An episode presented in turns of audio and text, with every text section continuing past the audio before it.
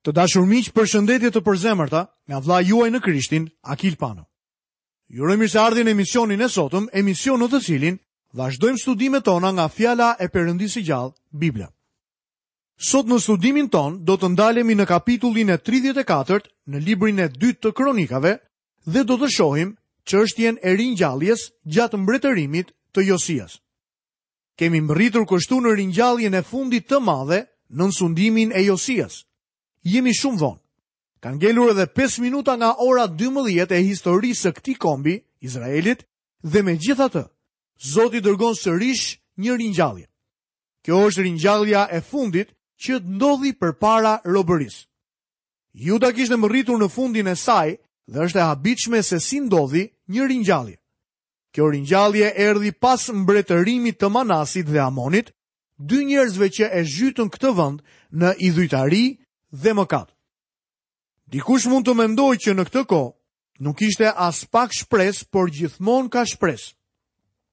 Fryma e shenjtë është sovrane në çështjen e ringjalljes. Nuk e di nëse do kemi apo jo një ringjallje në ditët e sotme. Me syrin njerëzor, Kombi i Judës nuk mund të kishte ringjallje, por shpirti i Zotit është sovran dhe mund të lëvizë. Ai mund të lëvizë edhe sot. Nuk ekziston asgjë e shkruar në Fjalën e Zotit që mund ta pengojë këtë mundësi.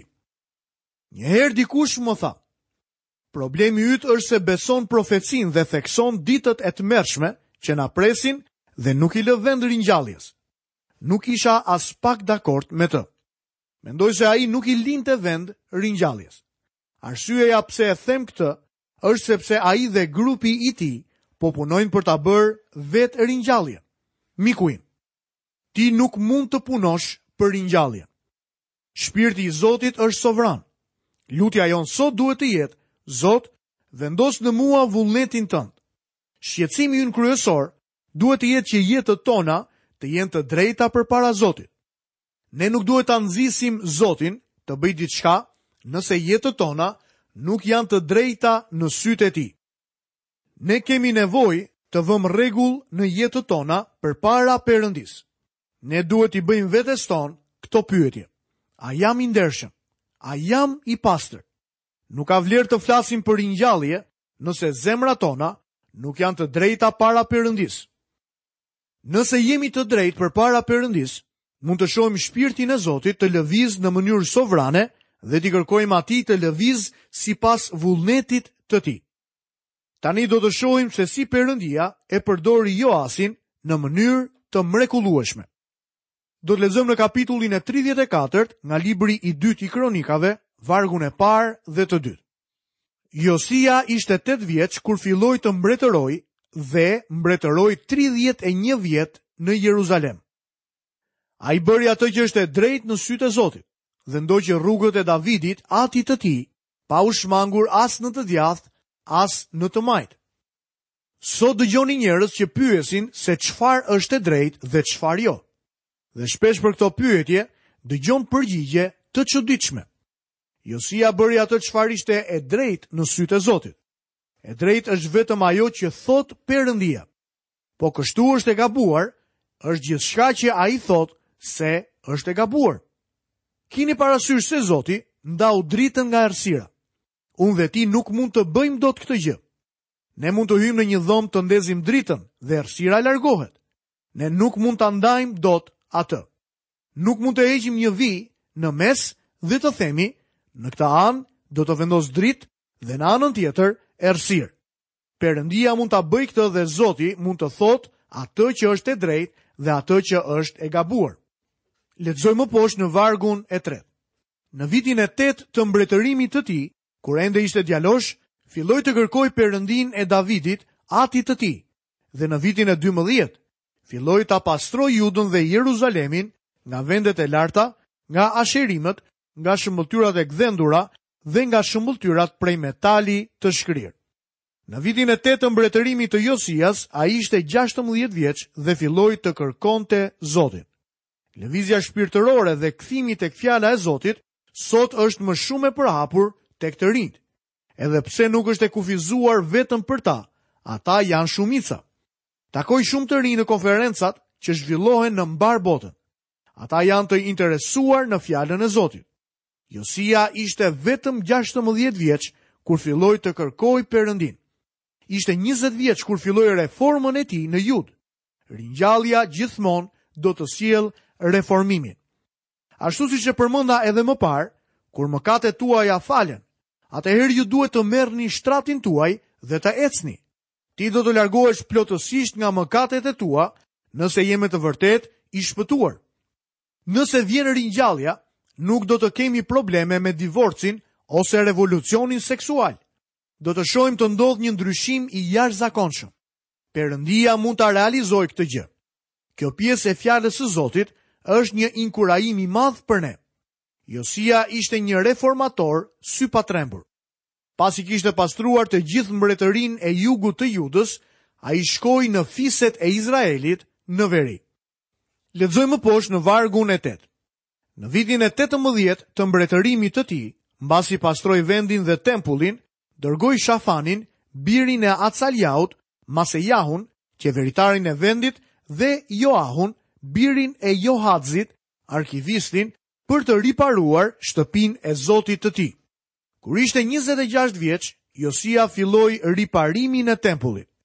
Gjatë mbretërimit të Manasit, gjyshit të tij dhe Amonit, atit të tij, tempulli u katandis në gjendje shumë të keqe. Do të lexojmë më poshtë në vargun e nëntë. Ata shkuan te kryeprifti Hilkia dhe dorëzuan paratë që kishin sjellë në shtëpinë e Perëndisë, që derëtarët levitë kishin mbledhur nga Manasi, nga Efraimi dhe tërë pjesa tjetër e Izraelit, nga tërë Juda dhe Benjamini dhe nga banorët e Jeruzalemit. Manasi dhe Efraimi janë fiset e Izraelit. Në këtë kohë, mbretëria e veriut ishte nën robërinë e Asirisë. Vetëm një mbetje e vogël kishte ngelur në vend. Këto fise janë fiset e quajtura fiset e humbura të Izraelit. Sigurisht në këtë kohë, ato nuk ishin të humbura sepse dërgonin para për të riparuar tempullin. Tani që tempulli ishte riparuar, ato fise bënë një zbulim të mahnitshëm. Do të lexojmë më poshtë në kapitullin e 34, vargun 14. Ndërsa po tërhiqnin paratë që ishin çuar në shtëpinë e Zotit, Prifti Hilkia gjeti librin e ligjit të Zotit që ishte dhënë nëpërmjet Moisiut. E shihni? Në atë kohë nuk kishte shumë kopje. Ndoshta duhet të kishin qenë disa kopje, por fjala e Zotit kishte humbur. Lexojmë vargjet 15 dhe 16. Atëherë Hilkiau e mori fjalën dhe ia dha sekretarit Shafan. Kam gjetur në shtëpinë e Zotit librin e ligjit, Pastaj Hilkiau ia dha librin Shafanit. Shafani ia çoi librin mbretit dhe i tha gjithashtu: Shërbëtorët e tu po bëjnë atë që u është urdhëruar të bëjnë. Ndoshta mund të thoni, e shoh që kjo rrugë do të na çojë në shtegun tënd. Sigurisht që po, por ai nuk është shtegu im, por shtegu i Zotit. Fjala e tij është shumë e rëndësishme për të. Vini re se çfarë ndodh. Lexojmë vargjet tetëmbëdhjetë dhe nëntëmbëdhjetë. Shafani, sekretari, i tha gjithashtu mbretit, Prifti Hilkia më dha një libër. Pastaj Shafani e lexoi në prani të mbretit, por ndodhi që kur mbreti dëgjoi fjalët e ligjit, ai grisi rrobat e trupit. Grisja e rrobave tregon një emocion të fortë. Ai u llahtaris kur dëgjoi fjalën e Zotit për herë të parë, sepse ai dhe njerëzit e tij kishin qëndruar larg urdhërimeve të tij. Lexojmë vargjet 20 dhe 21. Pastaj mbreti i dha këtë urdhër Hilkiaut, Ahikamit, birit të Shafanit, Abdonit, birit të Mikaut, Shafanit sekretarit dhe Asajahut shërbëtorit të mbretit, duke thënë: Shkoni të konsultoheni Zotin për mua dhe për ata që kanë mbetur në Izrael dhe në Judë, Lidhur me fjalët e librit që u gjet.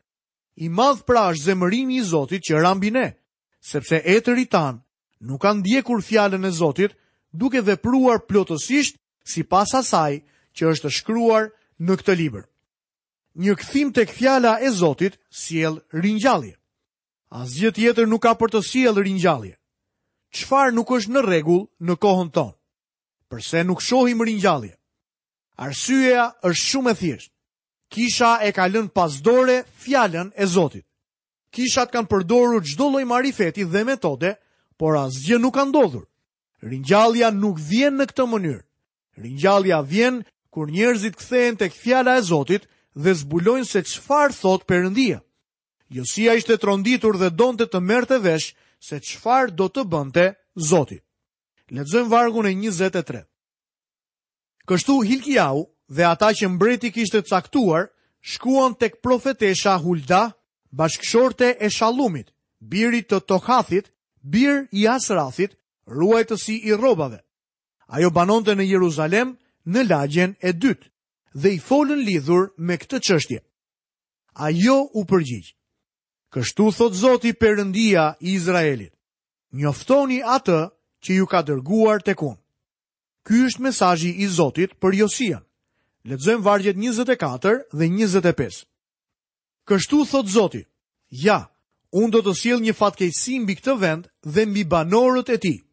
Të gjitha mallkimet që janë shkruar në librin të cilin e kanë lexuar përpara mbretit të Judës. Duke qenë se më kanë braktisur dhe u kanë ofruar temjan perëndive të tjera për të provokuar zemërimin tim me të gjitha veprat e duarve të tyre, zemërimi im do të bjerë mbi këtë vend dhe nuk do të shuhet. Perëndia do të dërgojë gjykimin ashtu siç kishte premtuar. Gjithsesi, ai kishte një fjalë personale për Josian. Lexojmë vargjet 26 deri 28. Ndërsa mbretit të Judës që ju ka dërguar të këshilloheni me Zotin, njoftojini sa vijon. Kështu thotë Zoti Perëndia i Izraelit lidhur me fjalët që i ke dëgjuar. Duke qenë se zemra jote është mallëngjyer, sepse je përulur përpara Perëndisë, duke dëgjuar fjalët e tij kundër këtij vendi dhe kundër banorëve të tij, je përulur përpara meje. Ke grisur rrobat e tua dhe ke qarë para meje, edhe unë të dëgjova, thotë Zoti. Ja, unë do të të bashkoj me etërit e tu dhe do të të shtien në paqe në varrin tënd, sytë e tu nuk do të të shohin tërë të keqen që unë do t'i sjell këtij vendi dhe banorëve të tij. Ata ia njoftuan mesazhin mbretit.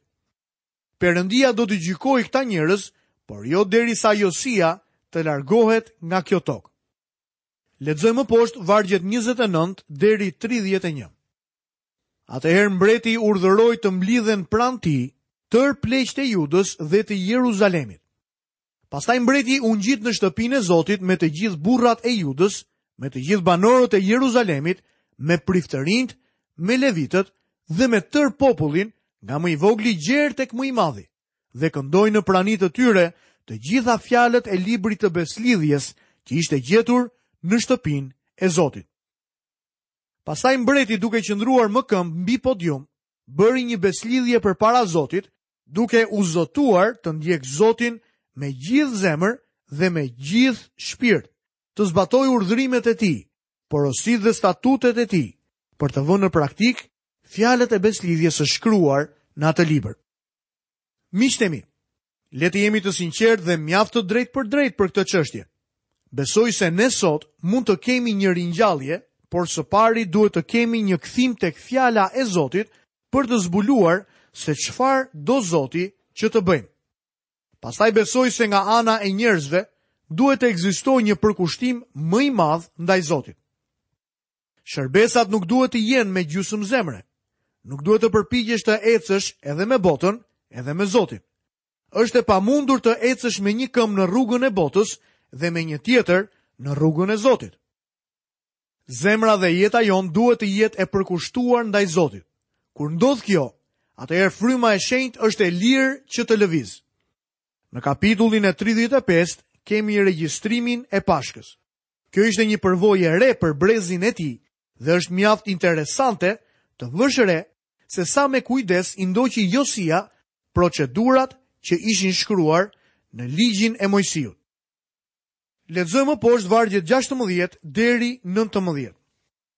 Kështu atë ditë tërë shërbimi i Zotit u përgatit për të kremtuar Pashkën dhe për të ofruar olokauste mbi altarin e Zotit, sipas urdhrit të mbretit Josia.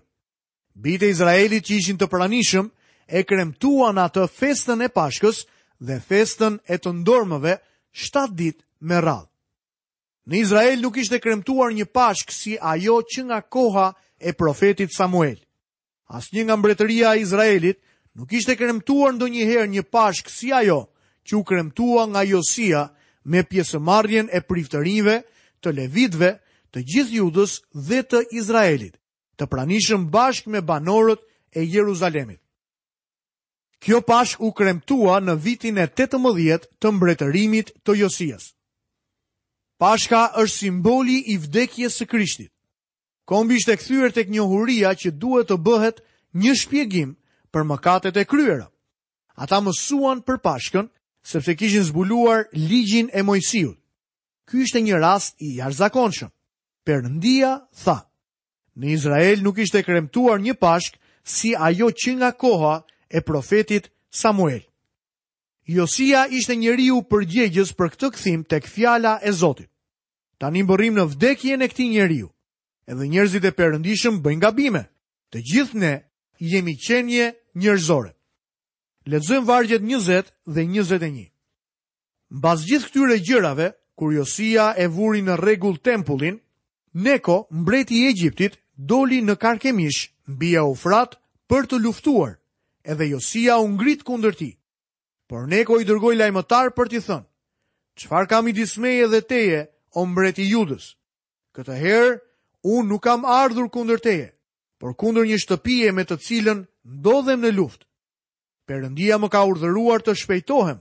Mos e kundërshto pra Perëndinë që është me mua, që ai të të mos shkatërrojë.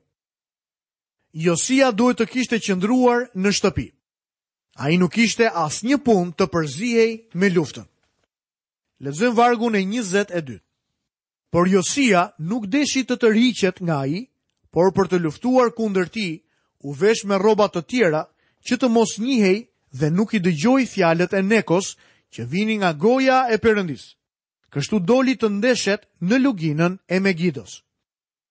Ai refuzoi të qëndronte jashtë luftës. Vini re se çfarë ndodhi. Lexojmë vargjet 23 deri 25. Por disa harkëtarë gjuajtën kundër mbretit Josia. Atëherë mbreti u tha shërbëtorëve të tij: Më largoni që këtej, sepse jam plagosur rëndë. Shërbëtorët e tij e hoqën nga qerrja e tij, e vunë në një qerre të dytë që ai kishte dhe e çuan në Jeruzalem. Kështu ai vdiq dhe u varros në varrezat e etërve të tij.